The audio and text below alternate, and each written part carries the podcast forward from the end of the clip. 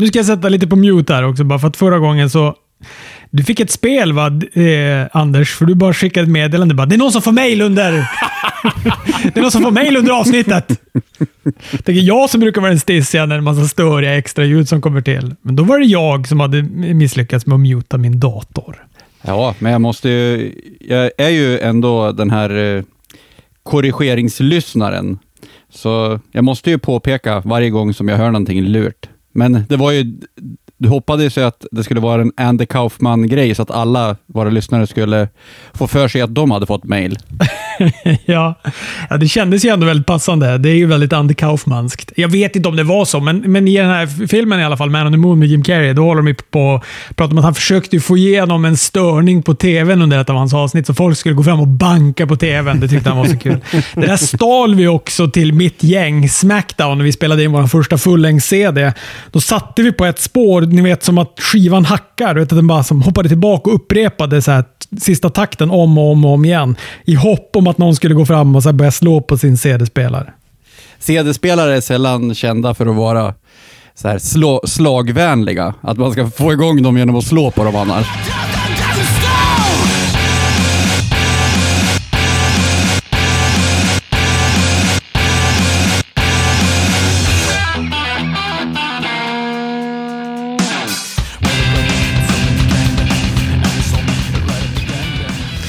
Jaha, hörni, var ska vi börja någonstans då? Ska vi börja prata om att beatkungen AC Steel nu har fått sparken från AW?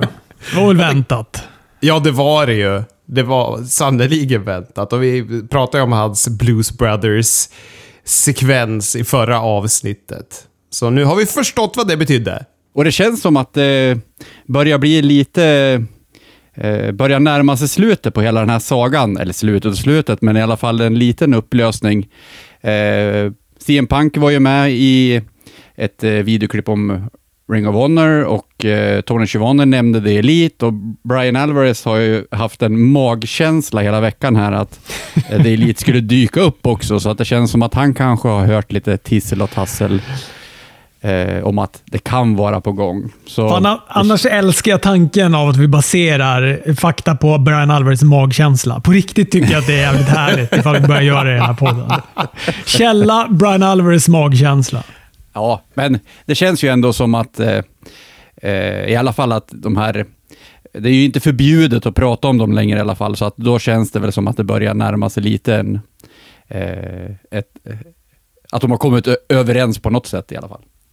Tror ni att han kommer göra en uttalande om det här, Tony Khan, när det väl är löst? För han, de har ju fått ganska mycket, mycket kritik för att de typ gör en VVE och bara låtsas som ingenting. Så de strippar dem från titlarna och så pratar man inte om dem, gör ingenting, tar bort dem från intron och såna här saker. Och AW har ju ändå målats upp som eh, det där schyssta alternativet till VV. De skulle ju göra allt rätt som VV gjorde fel. Men är inte det här rättsliga att de är bakbundna? Och sen så tror jag väl också att de är lite att de värnar om brottarnas integritet också. Och fan, det där är deras privata grejer. Ska de behöva hänga ut allt? De värnade ju väldigt mycket när Brody Lee dog. Det var ingen som fick veta något om det. det är ju, här är ju också liksom ändå människor. Det pratar ju CM Punk om i den här havererade presskonferensen. Kom ihåg att vi är människor, behandla oss som människor. Så det kan ju bara vara en sån vinkling på det hela också, men så är ju vi wrestlingfans som vi är. Vi känner att vi ska få veta allt. Berätta allt för oss. Ni är inte som andra företag. Ni måste berätta. ja, och sen så är väl det här i alla fall Tony Khans tidigare favoriter. Eh, efter, fram tills den här incidenten så kändes det som att det var de här personerna som man byggde företaget runt. Eh, så alltså? Att, det, ja, alltså Punk och Bax och Omega och sådär. Så att det känns väl som att eh, lite, lite känns det som att han vill eh, att, att det ska reda ut sig också. Att han skulle kunna behålla Punk på något sätt. Även fast jag inte tror att det är möjligt. Nu tror jag att du inte har tittat på samma AW som jag, för jag vet att han bygger företaget kring sin favorit Tony Nese, som är med jämt.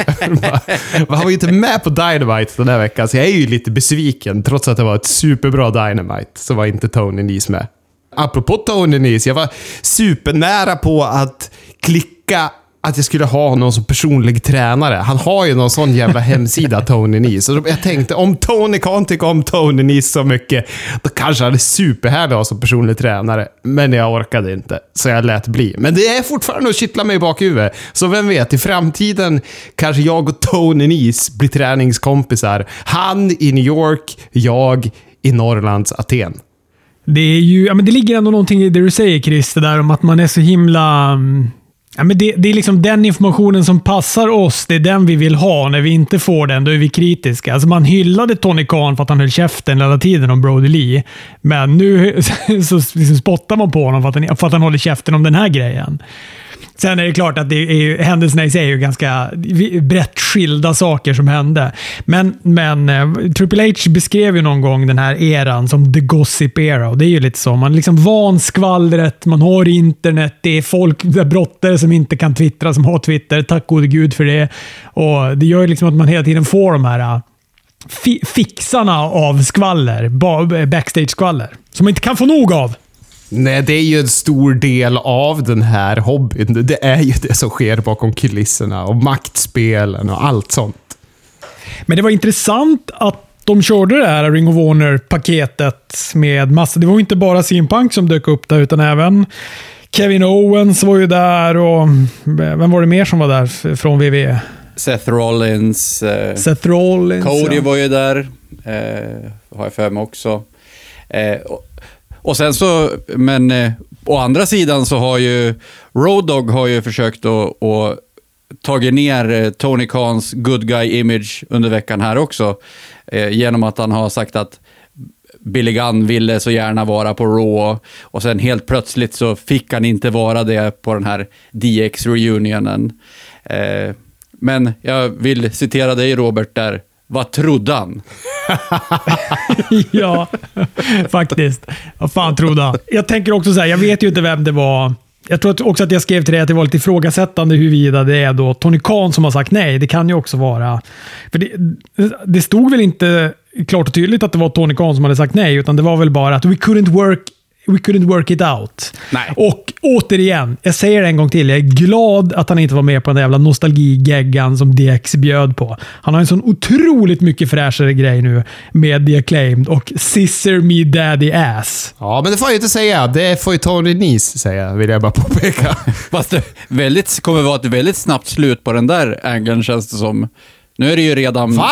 Ja, det kommer ju vara om trademarket redan här på Rampage. Ja, men den kommer ju Varsity Athletes vinna. Ja, gud ja. Det här är ju...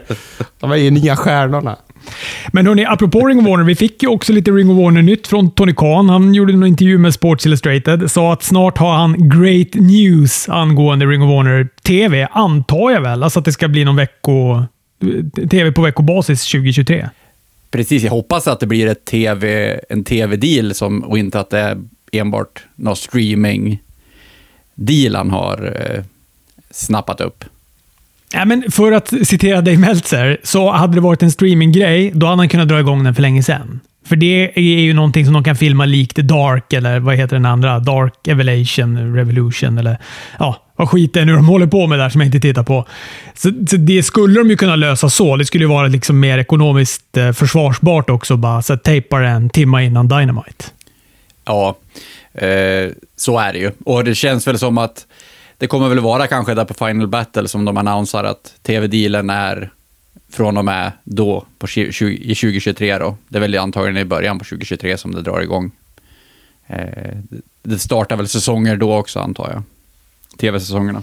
Ja, för Final, när, när sa han att Final Battle skulle vara? Det var 10 december, va? Ja, precis någon gång där i början av december. Just det. With a special start time, 4 p.m. Eastern. Det var 22 på svensk tid, va? Precis, de skulle väl, eh, skulle väl undvika att gå emot collegefotbollen där på den lördagen, har jag för mig. Så att de körde den tidigt. Jag tittade på NXT den här veckan. Jag vet inte om ni har gjort det. Jag har kollat... Jag hade tankar faktiskt, men jag gjorde det inte. Det låter som att jag var sämst här. Du har alltså tittat lite också, Anders. Fan vad bedrövlig jag är. Eh, Jag har kollat på klipp och jag har kollat på resultaten. Eh, Men du kan gå igenom showen så får vi prata om det lite grann. Om jag fick en krona för varje gång Chris Dybeck har sagt Jag hade tänkt göra det om NXT. Du blir så avundsjuk då. Nej, men eh, det var vulgärt. Alltså, det, var, det var nästan vulgärt, det här avsnittet. De hade ju main roster-brottare i varannan bildruta. Det var Rhea Ripley var med, mötte Roxanne Perez. Det visste vi ju för sig. Det deklarerade de ju på Smackdown. Shinski Nakamura dök upp, motståndare till eh, Stax Lorenzo. Alba Fire mötte Sonja Deville. Cameron Grimes och eh, The OC, det fick vi också veta i och för sig på Smackdown, gick med mot de här The Schism, vann den matchen. Det var ingen bra dag för, för NXT-brottarna kan jag säga. Det var väldigt mycket main roster-människor som gick över. Cora Jade vann ju för sig då mot eh, Raquel Rodriguez. Shotzi, som jag också trodde hade fått tillbaka sitt efternamn, Blackheart, men det har hon tydligen inte. Hon heter bara Shotzi fortfarande. Hon dök ju också upp. Där ska vara någon sorts konferencier då för Halloween Havoc som är i helgen. Ihop med Quincy Elliott, the superdiva. Så vann en match. Precis, han vann det. Ja, som vann en match mot Sian Quinn, som var bedrövlig. Men jag gillar ju den här äh, Quincy Elliott. Jag tycker ju att han har en, äh, en härligt flamboyant stil. Din favorit, eh, ditt favoritkaraktärsdrag? Att vara flamboyant. Ja, så länge man inte heter Seth Rollins. Ja. Precis. Och så dök Kevin Owens upp, hade en KO-show med gästerna JD McDonough, Ilja Dragunov och eh, Braun Breaker. De ska ju mötas på Halloween Havoc, så de är på att bygga deras match. Och så kom ju Austin Theory in och hintade om att han ska då casha in sin Money in the Bank-väska på NXT. Alltså på Halloween Havoc då, på NXT-titeln istället. Ja, snacka om att eh, det bevisar vad Triple H känner för Austin Theory. ja. Jag satt också och tänkte det när han kom in där. Ja, det där är ju ett smart sätt att ta den där jävla väskan av Austin Theory. Städa upp från farsan Baloo. Fast det har väl också pratats om att det ska vara någon match om den där väskan. Eh, typ att det ska vara Johnny Gargano och Kevin Owens eller någonting. Och, emot Austin Theory då. Ja, okej, okay, att han ska sätta väskan på spel. Ja, men precis. Men... Eh... Ja, det är i och för sig bättre än en rättegång. ja, men det, som sagt, det känns som att de offrade NXT lite grann för att eh, försöka klå AEW den här veckan. Eh, inte så, som sagt, att det var väl inte, ja, förutom att Raquel Rodriguez förlorade på diskvalifikation så var det väl inte någon annan main roster-brottare som eh, förlorade. Gav ju föga också, för de förlorade ju tittarsiffrorna. Ja, precis. Va, vad, kommer de, eh, vad kommer de tycka om det här Triple H och hans kumpaner? Känns det som ett, en stor förlust, tror ni? Tror ni att de trodde att de skulle fan knäcka Dynamite här? Jag tycker det är så svårt, för att om han Egentligen borde de ju ha deklarerat alla de här, alltså Shinsuke Nakamura, Kevin Owens, eh, Austin Theory. Alla de där borde de ju ha, ha skyltat med innan, att de skulle dyka upp på NXT. Det tror jag säkert hade pushat upp de tittarsiffrorna ännu mer. Nu var det ju inte sådär jätte... Vi visste att Good Brothers skulle vara där. Ja. Det drar ju folk. Ja, exakt. Nej, men jag tror att... Um, å andra sidan, det här är ju av Triple H. Jag tror att han... Nu kommer han igen börja surra om att det är ett maraton och inget Inget, not, not a sprint. Ja, och sen som sagt, om man bara slänger in brottare sådär utan betydelse egentligen, varför ska man titta på programmet då? Eh, det känns som att det har ju liksom ingen mening eh, att de där var där. Eh, och sen, som sagt, de har ju Halloween Havoc på lördag och det känns som att det hamnar väl ganska mycket i skymundan när de helt plötsligt bara ska sopa in en massa main roster personer. Det, eh, Angelsarna, jag vet inte. Tar, tar inte de lite stryk av det här? Nog för att de får en het show inför Halloween Havoc, men Ja. Men det är just det som är grejen också. Jag vet inte fan om den var så het. Den kändes ju så här. Alla main brottarna var superöver. Det vill säga alla NXT-brottare kändes ju superbleka. Och... Eh, du vet, de hade ju... Nu kommer jag inte ihåg vem det var, men det var någon som klippte en promo mot den här jävla animerade Chucky-dockan på en tv-ruta backstage. Det är också så här, alltså det är så oh, nej. paj... Är Chucky tillbaka? ja, han är tillbaka. Och var det, det Bron Breaker som fick göra det eller? För jag tänker att hans farsa körde ju en jävla angle mot Chucky en gång i tiden på 90-talet. Ja, nej, de gjorde väl den förra. Jag får att Braun Breaker gjorde den grejen på förra Halloween Havoc med Chucky. Nu Ja, var det någon annan. ja. Jag kommer inte ihåg vem det var. Skitsamma. Det var i alla fall bedrövligt. Och det gjorde ju inte att jag var, ble, blev mer sugen på att kolla på Halloween Havoc. Chucky, han är i alla promotions han. Han är eh, inte troget ett kontrakt, han inte. Var, var finns han mer någonstans? Nej, men han var ju i WCW och han var har ju varit i WWE också, som sagt. Han är, han är överallt, killen. Undrar om svensk wrestling skulle kunna göra någon liknande grej med Televinken. Eller skurt. Eller skurt. Apropå svensk wrestling, har ni koll på att vi har en mästare som håller ett relativt anrikt bälte ändå, som håller i ett bälte som Tony Storm hade en gång i tiden och ett förbund där både Günther och Malachi Black och vad fan är det fler? Det är massa folk som har varit mästare. WXW heter de va? I Tyskland. Tyskt förbund. Mm. Eh, vem är det som är mästare där? Alice Inc ifrån svensk wrestling-scen tog bältet där för några veckor sedan. Jag har glömt att prata om det i podden. Jag tycker det är, är fränt att eh, hon får hålla ett eh, ja, men så pass anrikt bälte ändå. Nu när NXT Europe börjar vankas så kan det ju vara bra att synas på det internationella fönstret. Så kanske man kan få in en svensk brottare i, i WWE eller i alla fall NXT på något sätt framöver. Ja, gud ja. Gud ja. Ender Kara och Alice Inc är de som är våra hopp om att få in lite svenskar i tv-rutan. Hörni, Smackdown bjöd på... Ah, bjöd på en debut av Roxana Perez har jag skrivit här, men hon var ju, hon var ju inblandad i den här eh, Raquel Rodriguez och eh, uh, Shotzi Blackheart mot Damage Control-matchen. Eh, den tyckte jag var väldigt bra. Började lite trevande, men blev riktigt bra mot eh, slutet. Hon var med väldigt mycket i matchen också. Roligt att de byggde den runt henne liksom. Ja, och eh, det här, det här har ju vi varit och smånosat lite på i chatten och sådär. Att det, det känns ju lite som att hon skulle nästan kunna vara ett main roster-namn. Som att de groomar henne lite för main roster nu. Ja, men verkligen. Eh, nog för att hon kändes ganska liten i jämförelse med alla andra, men Ray Mysterio är ju också i, i, på main roster, så att han är också liten.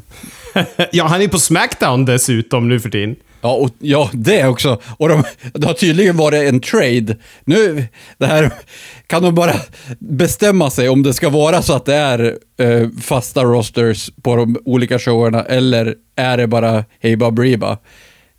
Ja, men nu är det ju tydligt att nu har vi en brand split igen. För Ray Mysterio, han har ju fått nog han av att slåss mot Dominic och pratar med Triple H och vill sluta. Men det visar sig att han inte alls slutar på detta Smackdown.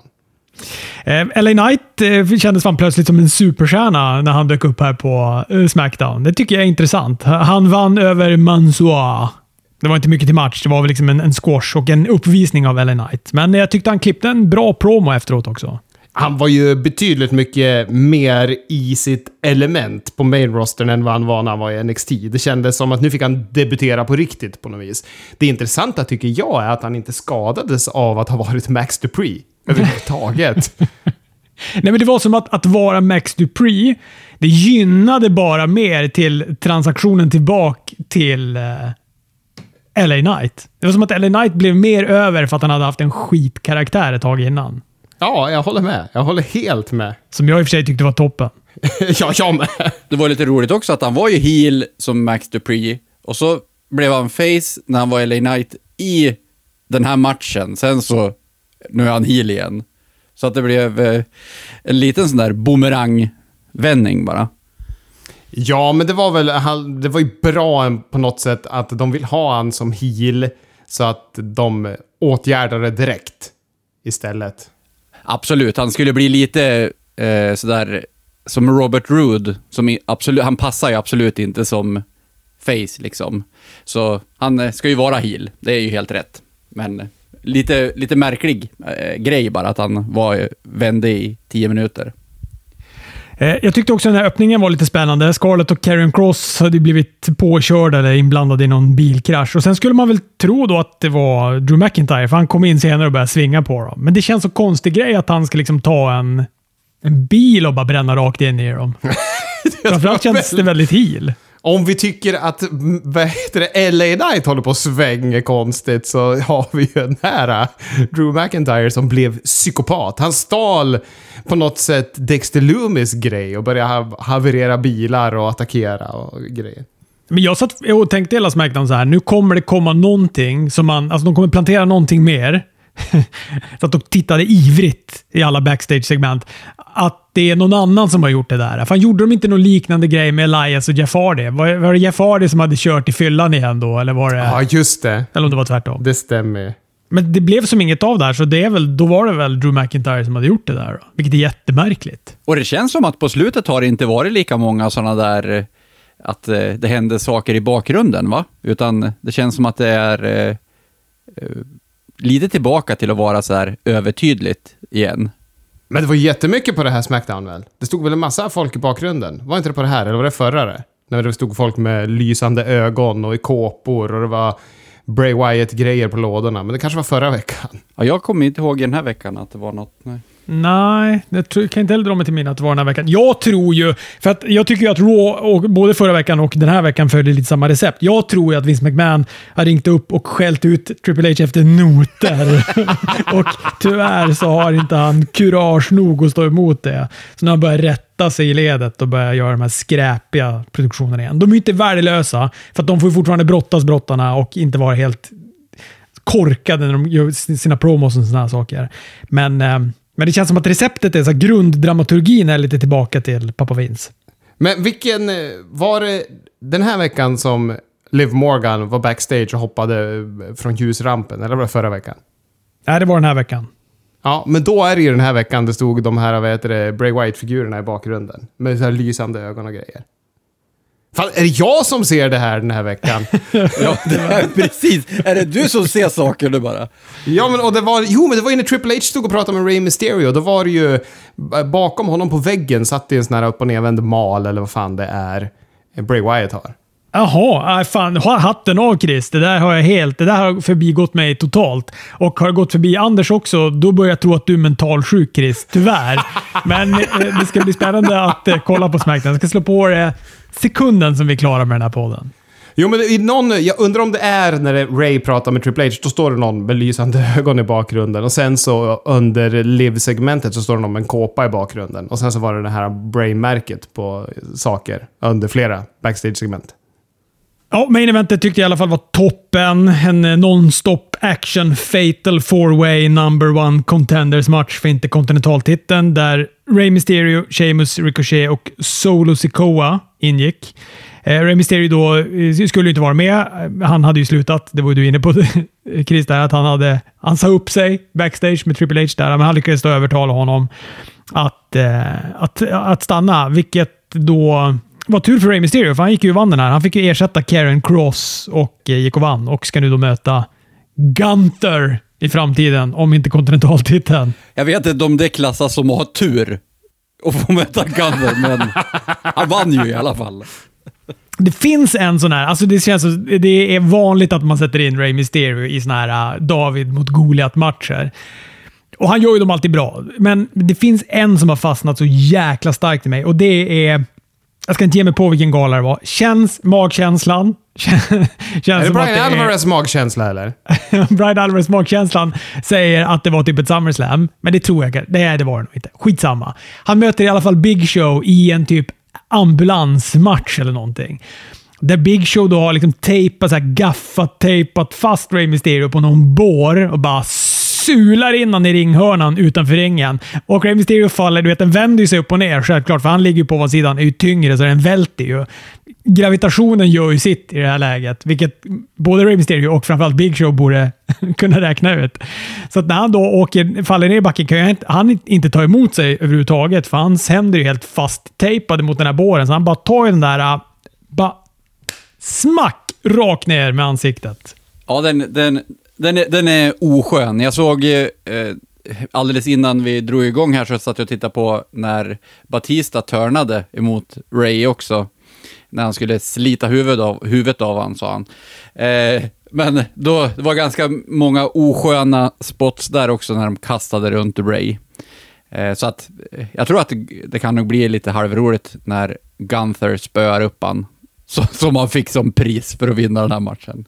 Eh, jag, jag tycker att det känns lite märkligt ändå att de har flyttat över Ray till Smackdown. Eh, jag tycker att det känns som att Dominic blir lite lämnad på Raw, om man ser till hans karaktär och hans utveckling som karaktär, så känns det som att än så länge behöver han ha Ray där. Eh, för jag tyckte på Raw så kändes det som att Dominic var lite tillbaka till att vara lite mer ointressant igen. Va? Jag älskade han på Raw. Jag älskade Jag älskar han hela tiden. Han är WWE's Tony Nese för mig. Kommer alltid hålla på Dominic nu. Men det känns ju som att man hade velat ha matchen innan de separerar dem. Ja, eh, precis. Kommer de bygga upp den liksom eh, med dem isär, eller de kanske vill skjuta den fram till WrestleMania eller någonting och därför så separerar de dem nu så kan de komma tillbaka eh, ihop senare liksom. Jag tror det kommer bli en sån klassiker. Rey Mysterio vägrar då möta Dominic. Nu är de på separata sidor, de kanske stöter på varandra någon gång. Royal Rumble så typ eh, tvingas de att stå mot varandra för att de är inne samtidigt, eller blir väl bara typ kanske ensamma kvar i ringen eller något sånt där. Och sen så mynnar ut i matchen på WrestleMania. Perfekt bokat. Tack. Men på Smackdown har vi ju kvar kanske det viktigaste segmentet att prata om. Ja, sista kvarten var väl tillägnad till Bray Wyatt som kom in till en ny låt. Det var samma gamla intro, men till någon, eh, alltså med lykta och tron och de här grejerna, men till någon bedrövlig screamo-musik. Det, var, det kändes som när New Japan, alltså när jag tittar på New Japan ibland, du vet när de lägger på en annan musik på brottarna för att deras riktiga introlåtar har de inte rättigheter att köra ut på, på det internationella New Japan World. Och Det känns alltid så jäkla apart och fel. Och exakt så kändes det att titta på Bray Wyatt med lyktan komma in till den här dåliga screamon. Ja, det var jättekonstigt val av låt. Jättemärkligt. Men jag har två reflektioner, två reflektioner från det här. Får jag ta det lite snabbt bara? Ja. Ett. WWE behöver bättre puffskydd när Bray Wyatt ska snacka. Det är det första. Två. Det är ett jävla genidrag det här. Alltså han kommer in som Shoot Bray Wyatt. Alltså, han kallar ju sig själv Bray Wyatt, men han är ju... Vad är han heter egentligen? Wyndham Rotunda, eller? Jajamän. Ja. Han, han är liksom ingen karaktär. Han berättar om tiden som har varit. Han är nervös. Han snubblar på orden. Han är emotionell. Och sen så bara dyker den där masken upp på skärmen, glitchar, glitchar till och har sig. Och så säger han “Come with me” och sen bara slutar det. Ja, det var kung var det. Men det känns ju också så här lite för smart för gemene wrestlingfan. Undrar om Vince Russo går bananas och hatar det här. Att det, liksom, det är ingen som fattar. För det är ju lite liksom... Man måste ju vara med på något vis för att hänga med i den här storyn. Ja, och vad är- jag är ju lite nervös inför payoffen, eh, om det ska leda till en match på något sätt. För, som sagt, han, eh, det är ju att han har ju en konflikt i sig själv på något sätt. För jag an, antar ju att det är Bray Wyatt som är den andra karaktären också, och att det inte är någon annan brottare. Så, eh, han kommer väl bara transformeras till den karaktären Eh, eller vad kommer det liksom sluta upp i det här? Det är jätte, jag tycker att det är jättebra just nu, men jag är lite nervös inför vart vi kommer sluta. Jag tycker det känns lite som att det är som The Fiend och den här programledarkaraktären. Fast det är bara det att nu är han Shoot Windham Rutando. och så kan han transformeras till den här ytterligare onda The Fiend-karaktären. Alltså de gör typ samma grej fast de lyfter ut honom från barnprogramskaraktären till då hans, hans riktiga jag. Och så fortfarande finns det då den här The Fiend-varianten med. Som säkert inte kommer vara The Fiend utan det kommer nog vara något annat. Men det går väl rykten om det som du gissade på, Anders. Det kanske ni gissade på bägge två, men det här att karaktärerna kommer vara ett stall. Att det är brottare som är de här, vad heter det, Husky Harris, eller vad fan den här grisen heter. Husky Harris var väl Bray Wyatt i NXT. Men Precis, Att, det eh, har ju snackats om The Wyatt Six, som de säger att det ska heta då. Och det heter ju Wyndham Rotunda, eller Bray Wyatt på Twitter, har hetat väldigt, väldigt länge nu. Eh, och det har, har ju dragit igång snack om att det var Joe Gacy som var den här grisen eh, under dräkten i alla fall. Och sen så om det kommer vara han som, han kommer nog inte vara han som är karaktären sen.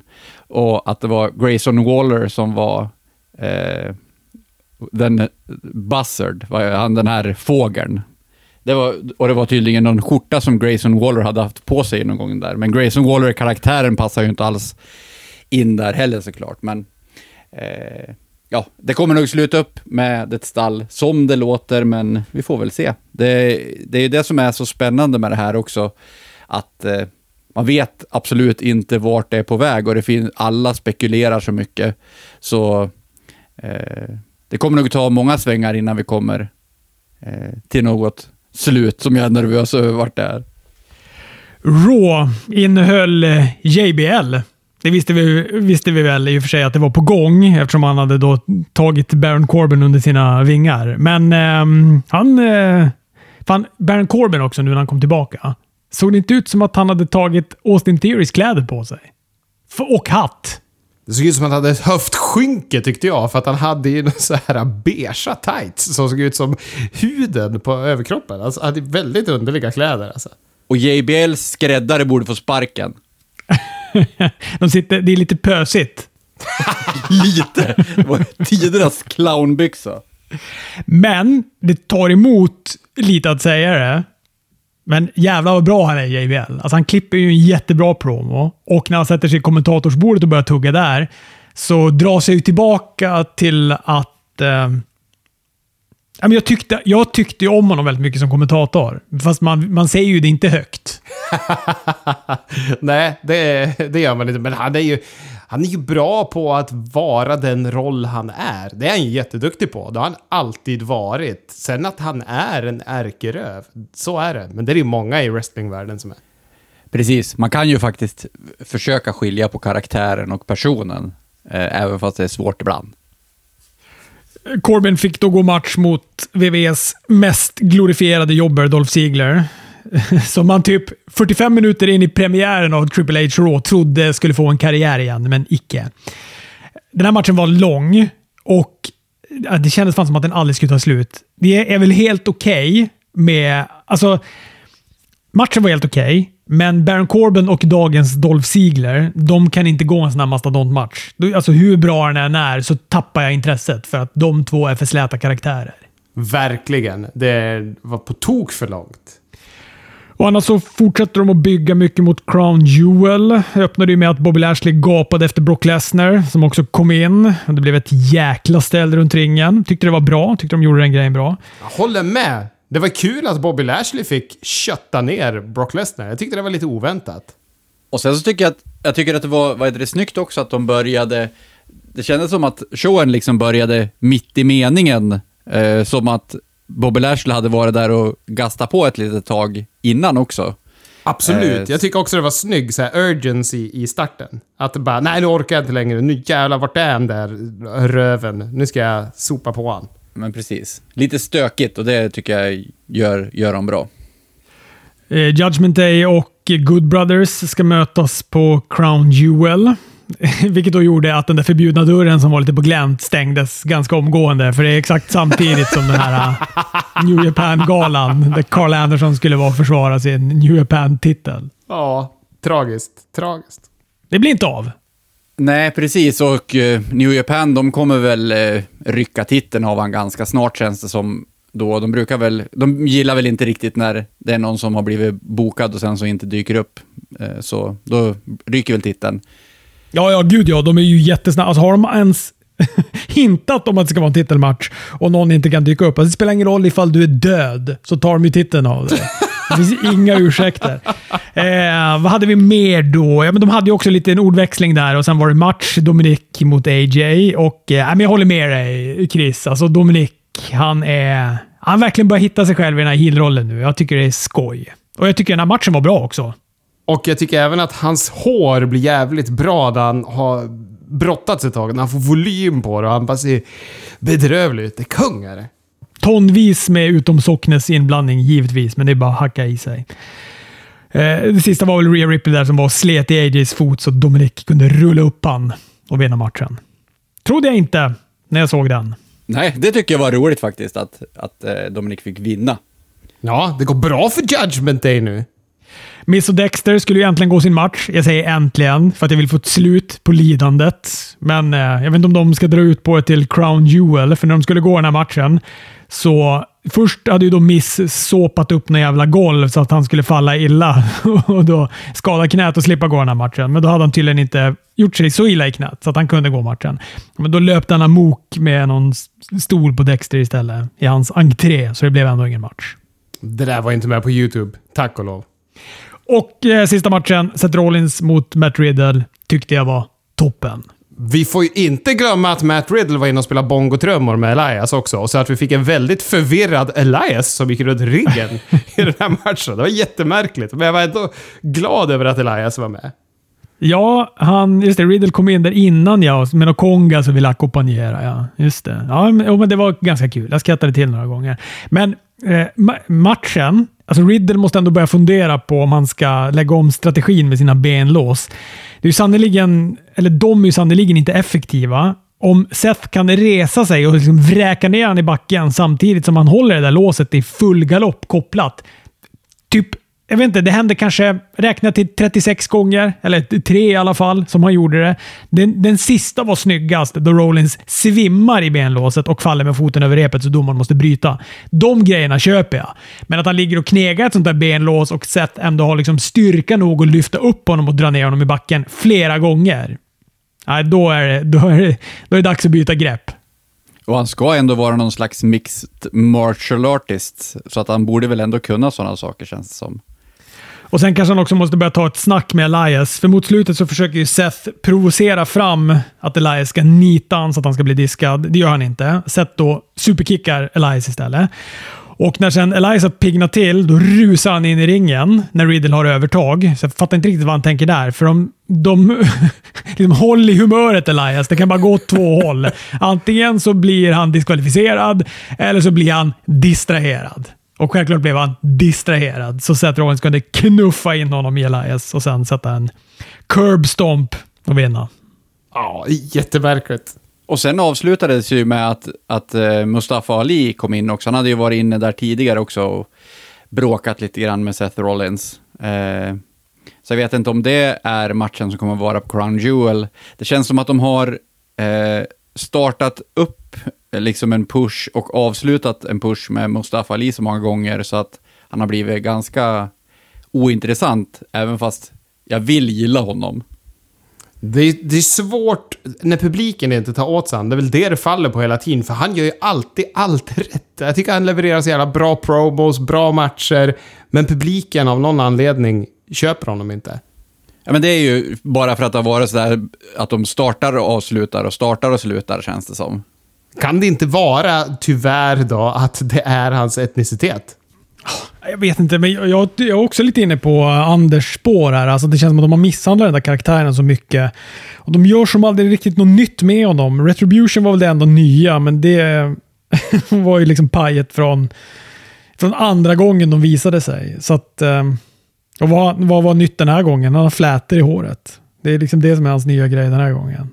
Ja, och så kommer han väl, eh, han kommer ju förlora matchen på Crown Jewel om det är där de kommer ha sin match då, men eh, så då känns det som att, ja, de, vad, vad, blir det av den här gången också? Så man kan ju liksom inte tro på att det kommer leda någonstans förrän man får se det såklart. Men jag håller tummarna för att det kan bli något mer intressant. Men som jag sa, jag har lite samma, alltså, samma vibb som förra veckan. Bra show, men osar ju mer och mer Vince McMahon över de här uh, showerna. Äh, nu var ju för sig Triple H sjuk i covid. Så att, det stinker uh, Road Dog, var det det stank över den här showen?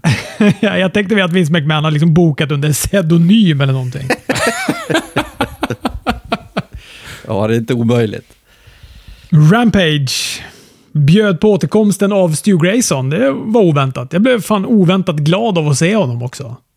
Det konstiga med det var att han dök upp i bild. Sen var det väl inget mer med han. Nej, det var som att de bara ville flagga om med att här, kolla, nu är han tillbaka. Men är han tillbaka då? Eller var det bara att han var i området liksom? Han är väl kanadick liksom? Och du får sig rätt i. Man vet aldrig med VVE, eller förlåt, man vet aldrig med AEW i de där lägena. Vi kommer ju till en sån punkt lite senare här också. Eller vad fan, skitsamma. Vi kan väl ta det nu. Eh, alltså, den, det liksom mest oväntade på hela det här rampaget var ju ändå att The Kingdom dök upp. Matt Taven, Maria Kanellis Bennett och Mike Bennett.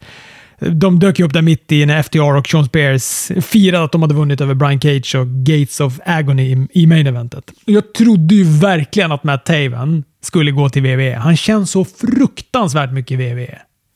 Ja, som sagt, eh, det, är, ju, är ju fullt där, men det håller jag väl med om egentligen. Men det som... Eh, när- När de kom in, det kunde ju höras ett mynt släppas. Alltså de, publiken var så ointresserad av att de här skulle komma. Och sen var de ju inte med någonting på Dynamite heller. Kan det vara deras etnicitet? Nej, men det var ju jättedålig reaktion. Det enda som har fått sämre är ju när Butcher and the Blade dök upp och ingen visste vilka de var. Men de här visste ju folk vilka det var. Antar jag. Fan, kanadensiska wrestlingfans brukar ju vara educated fans, som man säger. Men det var ju en minst sagt ljummen reaktion liksom. Ja, den var verkligen ljummen. Det var den sannerligen. Men jag jag börjar också fundera på så här, för vi har ju inte sett någonting om att de är all elite eller någonting. Och det, det är det jag menar med Tony Khan. Man vet ju som inte heller. Ibland så dyker ju de här brottarna bara upp och sen så är de ändå inte kontrakterade utan de är bara så här. De har ett kontrakt per show eller någonting. Å andra Det sidan... har de i Bergis. Ja, men å andra sidan, ifall nu då WWE, om Triple H nu är så himla sugen på Matt Taven som det ryktas om, då tror jag nog ändå att Tony Khan är lite mer noggrann än att ta de riskerna. Nu. Nej, men han gjorde ju den där debuten så att hans aktie skulle krascha totalt och sådär vidare. Vi. Nej, men vad heter Alltså, det? kolla, tripp, Trippan kan vara och lurka hur mycket han vill. Kolla här, det är ingen som bryr sig om de här töntarna när de glider in. Det är tyst. Men, men de var ju faktiskt med på Dynamite. De var ju med i någon sån här videopaket. De, de var ju inte med fysiskt, men det var ju en så jävla loaded show när det kom till matcher. Det var ju Title Tuesday, så jag förstår ju att fan, de där sätter man inte in då. Med tanke på reaktionen också. De kanske mer är ett rampage-gäng. Så, så kan det vara. Eh, men jag tänkte tillbaka till eh, brottare som eh, eh, är sådär i valet och kvalet mellan WWE och AEW. Det har väl inte kommit ut någonting om att Bandido har signat någonstans än heller, va? Men har inte han både förnekat och bekräftat att han har signat i AEW? Ja, det var väl någon som först, för de, det slogs väl på stora trumman att han hade signat för AEW, men sen så fick de väl gå ut och säga att han inte hade gjort det. Eller de, nu Wrestling Observer var, var det väl vi läste det på. Ja, men då, för det var ju för att han hade förnekat det. Och sen så läste jag dagen efter att du har bekräftat det. Men jag vet inte. Han kanske är dålig på engelska. Han kommer sen då. Kanske, kanske. Innan vi lämnar eh, Rampage så vill jag också bara prata lite snabbt om när Jericho stod och pratade om att han skulle besegra varenda före detta Ring of Honor-mästare. Och självaste Dalton Castle kliver in med så mycket peacock power att de här stackars boy risker, boysen riskerar att få liksom tennisarmbåge för att de måste fjädra så hårt med de där fjädrarna för att hålla Dalton Castle sval. Underbart segment var det här. Det fick ju så jävla bra respons också av publiken. Ja, där var de het i alla fall. Men var det inte så att det byggde? Alltså folk jublar ju såklart för att här kommer han, en extravagant vad heter det, entré. Men sen så upplever jag att hans promo som var fantastisk, att ju mer den byggde, desto mer så byggde ju publiken och de vart ju, slets ju med. Det kändes som att han arbetade upp verkligen publikstödet. Vilket han även kommer att göra på Dynamite i matchen sin sen. Men han är ju jävla bra på att fånga publiken. Ja, alltså jag ska, när vi kommer till den matchen, jag ska prisa han med så mycket superrelativ så ni kommer storkna. Ja, och men, som sagt, han har ju ändå varit med också på EW lite grann. Han har de ju hållit het på något sätt. Eh, det känns som att The Kingdom, de var väl kanske lite het när de var med i Ring of Honor förr. Om de hade varit sitt tidigare jag så hade de kanske varit lite hetare än nu när det kommer liksom avdankade Impact Kingdom. Så, ja, vi kan gå vidare. Jag sneglar på mina Dynamite-anteckningar här och då har jag bara skrivit en, en sak om första matchen. Kramen är otajt. jag. Men jag tror att Jag tycker att Best Friends har blivit otajta på den här kramen. Alltså, det var mer effektfullt förut. Nu är, det liksom nu är den så otajt att kameramannen hinner heller inte riktigt med den här utzoomningen innan de har kramats klart. Skärpning för fan. Jag vill bara säga att jag har hållit mitt löfte från förra veckan och kollat på Best Friends på The Floor is Lava. Så nu har jag sett det och jag vill bara säga att de är fantastiskt charmiga på The Floor is Lava. De andra lagen vill man ju kräkas på, men Chuck Taylor är ju superhärlig när han är där. Och även Chris Stan Statlander, det är ju så att man får en sån här kändis-crush på henne nästan för att hon är så vänlig och charmig och, och så där. Och, Orange Cassidy är, har svårt att hålla sig i karaktär när han är ute och kryper på slemmiga hagar. Sådana här som hoppa, hage, hagar och grejer. De var ju bedrövliga. Chris Statlander var den enda som klarade sig. Chuck Taylor glider ner i lavan tidigt och Orange Cassidy eh, glider likt en trött koala ner med tummen upp. som Terminator ner i lavan. Bra att han höll karaktär i alla fall.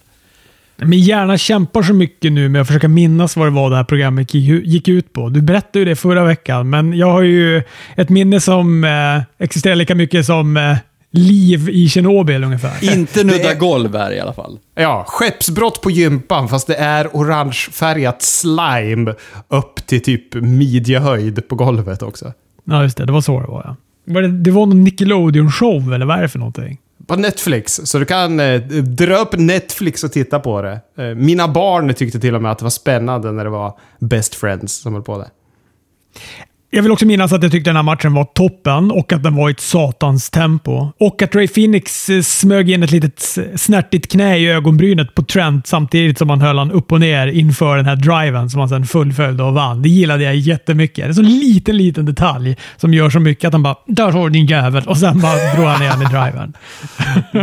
Man ska också komma ihåg att Lucha Brothers kommer ju från Triple Mania här, där Penta gick ju en match som ser ut att ha varit ett blodbad mot Villano 4. En sån här... Det har ju varit någon utslagsturnering där förlorarna går vidare och den som förlorar i sista matchen blir av med sin mask. Där då Villano 4 förlorade mot Penta i det har ju blivit... Det var en så jävla snygg bild. Den bilden gjorde att jag ville se Triple Mania. Vilket jag inte har gjort. jag är inte jätteförvånad. Nej, jag hade ambitioner att se Triple faktiskt. Nej, men tillbaka till matchen här då. Pack, han vill ju använda hammare igen, men den slet Fenix ur handen på honom. Så möjligen så är väl det här då ett embryo till en eskalerande spricka i den där trion. Tror du det? För de stod och kramades efteråt och var superglada. Det kändes för mig som att det var bara att etablera att det där är Packs heel-karaktär. Han har en hammare. Det är hans heel-karaktär. För sen stod de ju och high-five och kramade varandra efter matchen. Han och, vad heter det, alltså Ray Phoenix och Pack i, i slutet. Och väldigt tydligt att just de två var okej okay med varandra efter matchen, tycker jag. Det kan väl vara någonting som de plockar upp om ett år eller någonting. Att... Slow build. Det brukar vara AWs grej sa han med lite salt ton i rösten. jag älskar ändå när han är salt mot Tony Khan. Jag kommer inte ihåg vad han var arg på. Jo, i, i våran en chatt om wrestling har ju Anders brunnit något jävligt på att Tony Khan vill påvisa att det här äh, kommande Ring of Honor pay per view kommer vara ett bra pay per view Det får han inte säga. Det, det, det ska bara vara ett pay per view Sluta säga kvaliteten. Skit i det, Tony Khan. Ja, men... Jag tycker att han, han, måste alltid liksom sätta en stämpel på saker. Man, man, får väl bestämma själv om det är bra eller inte. Jag tror inte på dig, Tony Khan. Tony Storm och eh, Hikaru Shida gick match mot varandra. Jag tyckte den var bra, men det kändes mer som någon sorts grej för att visa upp eh, Saraya mot Britt-upplägget. Och så gjorde i och för sig Rio comeback också. ja, och kom vinkandes in.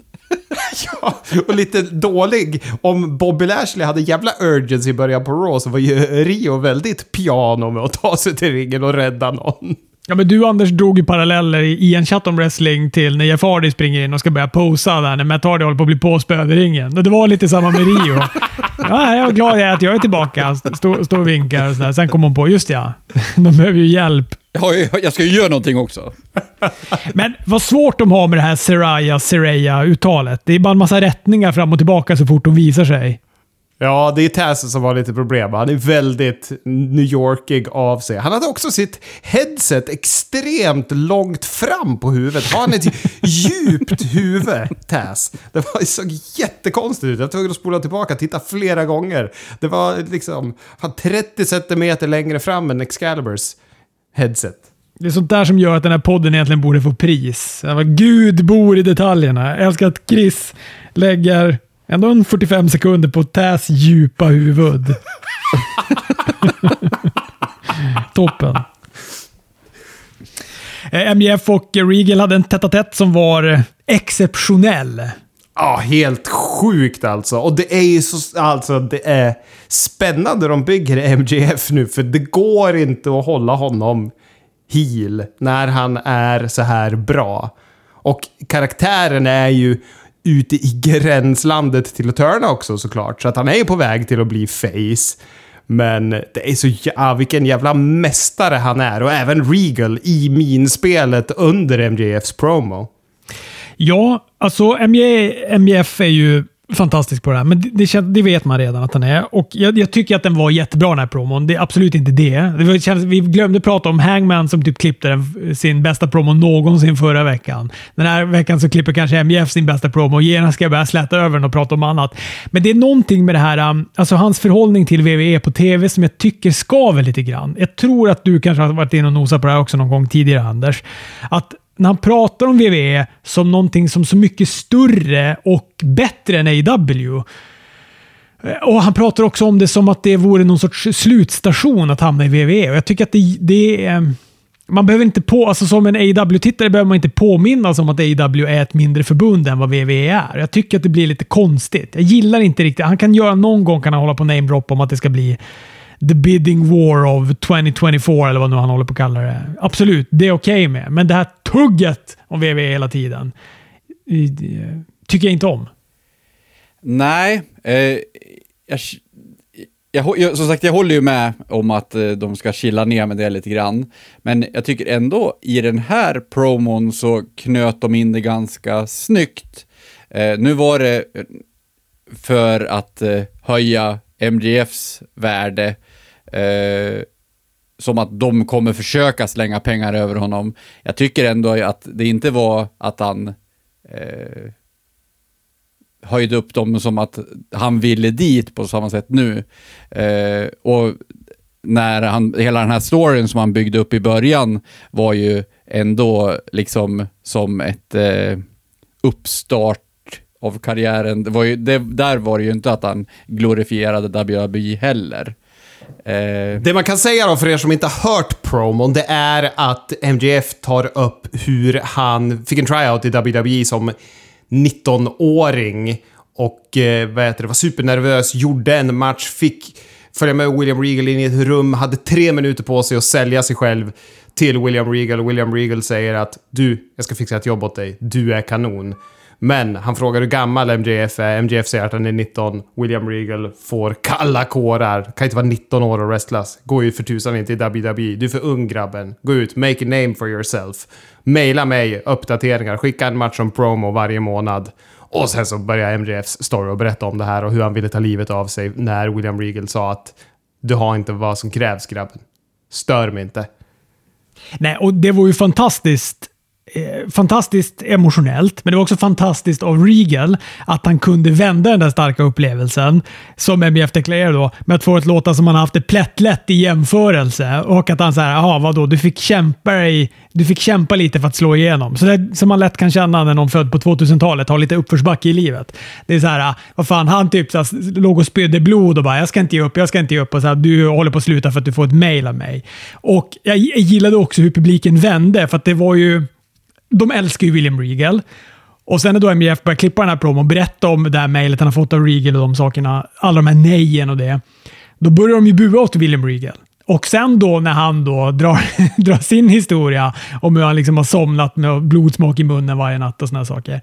Blivit påspöad på riktigt av en massa äldre wrestlers och sånt där. Då älskar de ju han igen. Ja, gud ja. Det var mästerligt av båda. Det här måste ju vara William Regals bästa promo i AEW också, tycker jag. Ja, precis. Man är ju lite nervös sen tidigare. Man gillar, vi, gill, vi gillar ju William Regal och, och man vad heter det, eh, trollbinds ju av hans stories när man lyssnar på honom på poddar och så vidare. Eh, men han har ju varit lite skakig på micken tidigare i AEW, har man känt. Men här så var han ju klockren. Eh, och det planterades väl ändå lite grann att de här två kommer eh, kunna ha något slags samarbete framöver också efter eh, han vinner titeln på Full Gear. Tycker ni inte det? Jag vet jag, jag reflekterade inte på det, men eh, det, så kanske det är. Du kan ha en väldigt stark poäng där. Men det som sagt, det kommer, nu byggs det upp som att han ska bevisa sig för William Regal. Sen så vet jag inte, han kommer väl säkerligen fuska till sig titeln eh, på Full Gear. Eh, men som ni var inne på tidigare så det kommer nog inte gå att hålla MJF som heel, men jag hoppas verkligen att de inte ändrar hans karaktär så mycket, eh, utan att han får vara det här aset även fast han är face. En lite Eddie Guerrero-feeling liksom, fast han var ju lite roligare, men, men eh, att han får vara den fuskande aset på något sätt. Ja, han måste ju vara MJF. Det är MJF de eh, jublar åt. Det här har jag och Robert blivit osams om i podden en gång. Men hörni, Dalton Castle. Vilken akt. Vilken stjärna. Alltså ni kan inte inte tycka att han är fantastisk. Alltså hans wrestling, hans wrestlingakt är fan topp tre i världen. Ryggskadan sätter ju brottningen i baksätet. Men den karisman, den karaktären och förmågan att leverera. Alltså den karln skulle kunna vara lam och ändå vara topp tre. ja, men det är ju... Hela paketet med han är ju fantastiskt när han kommer in. Och det här är så här konstigt, för att man borde så här, ah, det är det här man inte vill visa dem som inte tittar på wrestling. Det är då de kommer döma ut eller och tycka vad är det för jävla hobby du har. Men när jag såg Dalton Castle, när jag tittade på det här så bara, jag vill visa det här för dem som inte kollar på wrestling. Det är ju så bra tv när han kommer in. Det går inte att sluta titta liksom. Nej, men jag håller med. Det här är det som jag... Det, exakt det här vill jag visa upp av wrestling. Det här är så omacho också, med Dalton Castles flamboyanta stil. Han har de här jävla The Boys som är, liksom, bygger en mänsklig trappa så att han kan gå in, på, gå in i ringen. Han tar fram lite, lite glitter som han liksom matar dem med och har den jävla påfågelsdräkten på sig. Ah, han är så fantastisk. Han är så fruktansvärt bra. Och sen vill ni visa, vill, vill ni visa dem när de bråkar om Jake Hagers hatt. jag skrattade till några gånger när han höll på med den här lila hatten, men jag fattade som att du Anders tyckte att det var bedrövligt. Jag tyckte också det var roligt ju. Ja. ja, men det, nej, jag, jag, jag skrattade inte, men jag känner, känner att det var lite fånigt. Eh, men okej okay då. Jag är så fruktansvärt ointresserad av Jake Hager, men ifall det finns lite karaktär i att han älskar den här jävla lila pisshatten som de försökte ge till Sammy Guevara. Eller var det Daniel Garcia som skulle få den jävla silvestern? Daniel Garcia. Ja.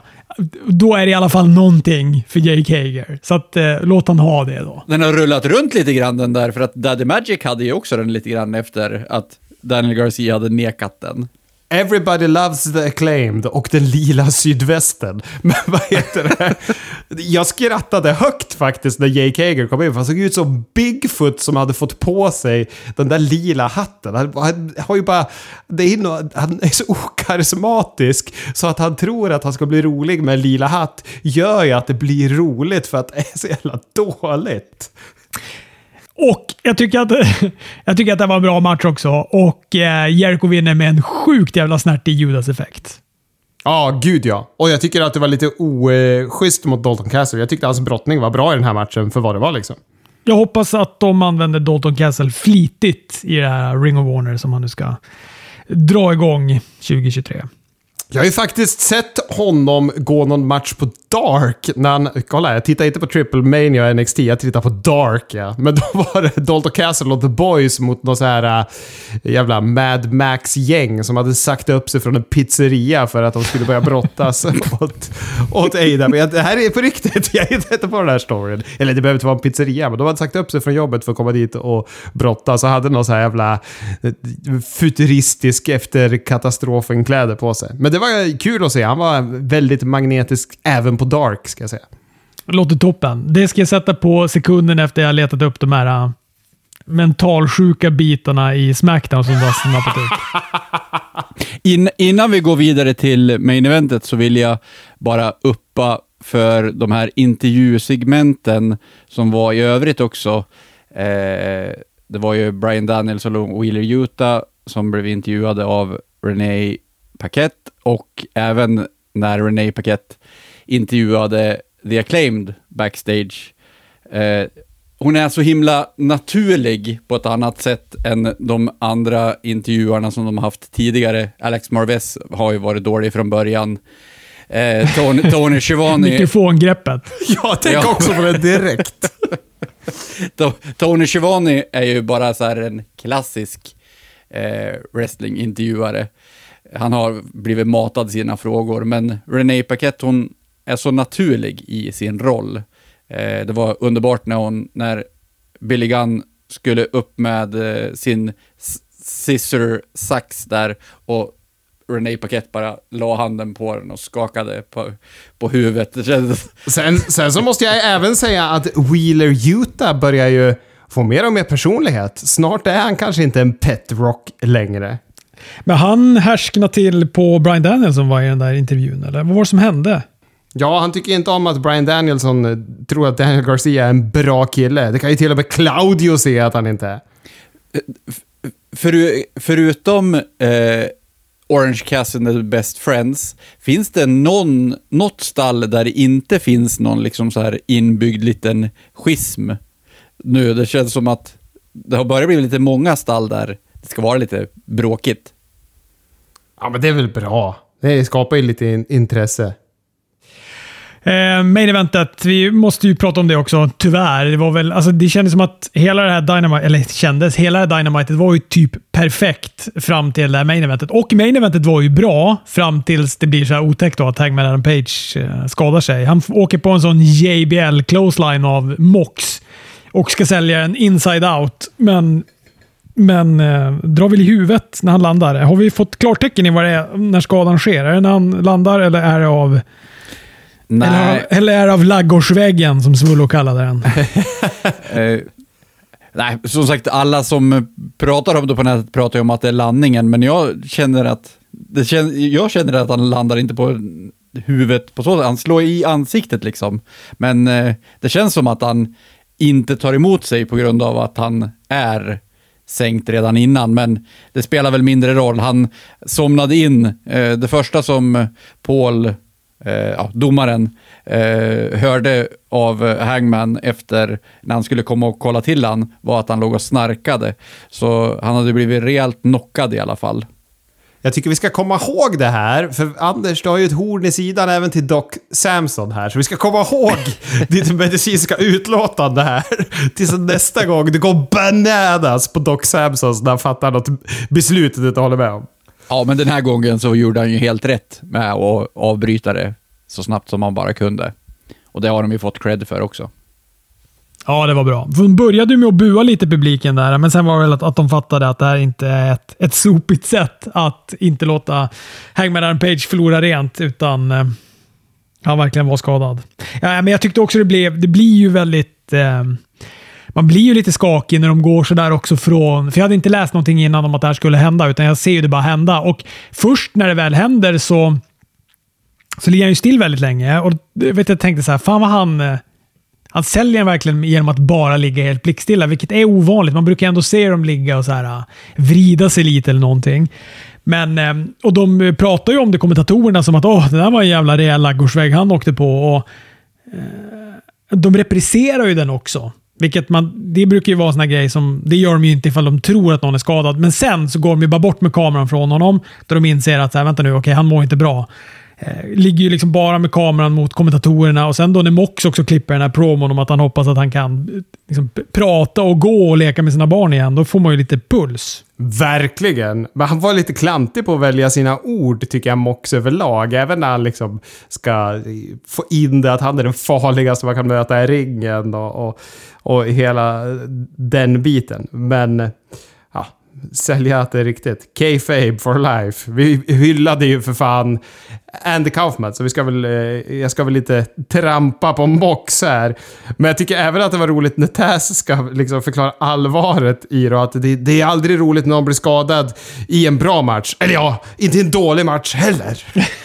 Nej, men de har ju lite panik där. Man märker att de, börjar, de famlar ju lite, för de inser väl att så här, vi har liksom 14 minuter kvar av tv-tiderna vi måste fylla med någonting. Vad ska vi lösa det med? Men det är ju snyggt också då när MJF kommer in och de klipper den här promon han och eh, Mox ihop. Man vet ju inte ifall det var tänkt att den skulle komma där i slutet, eller var det någon grej som de typ ska göra nästa vecka, eller var det någon grej som de bara improviserade fram, eller? Snyggt var det i alla fall. Ja, men på något sätt så kändes det väl som att det var skulle komma nu, för de hade ju redan under matchen filmat på den här skyboxen och att den var tom. Och de pratade om att, ja men vart är MGF någonstans? Så nog skulle i alla fall MGF lägga sig i på något sätt i den här matchen. Det känns det som. Absolut, men kanske ingen eh, förvirrad promo av Mox. Nej, precis. Han skulle nog bara eh, stolpa in efter matchen när eh, Mox firade, typ. Hörrni, detta om detta. Vi hörs.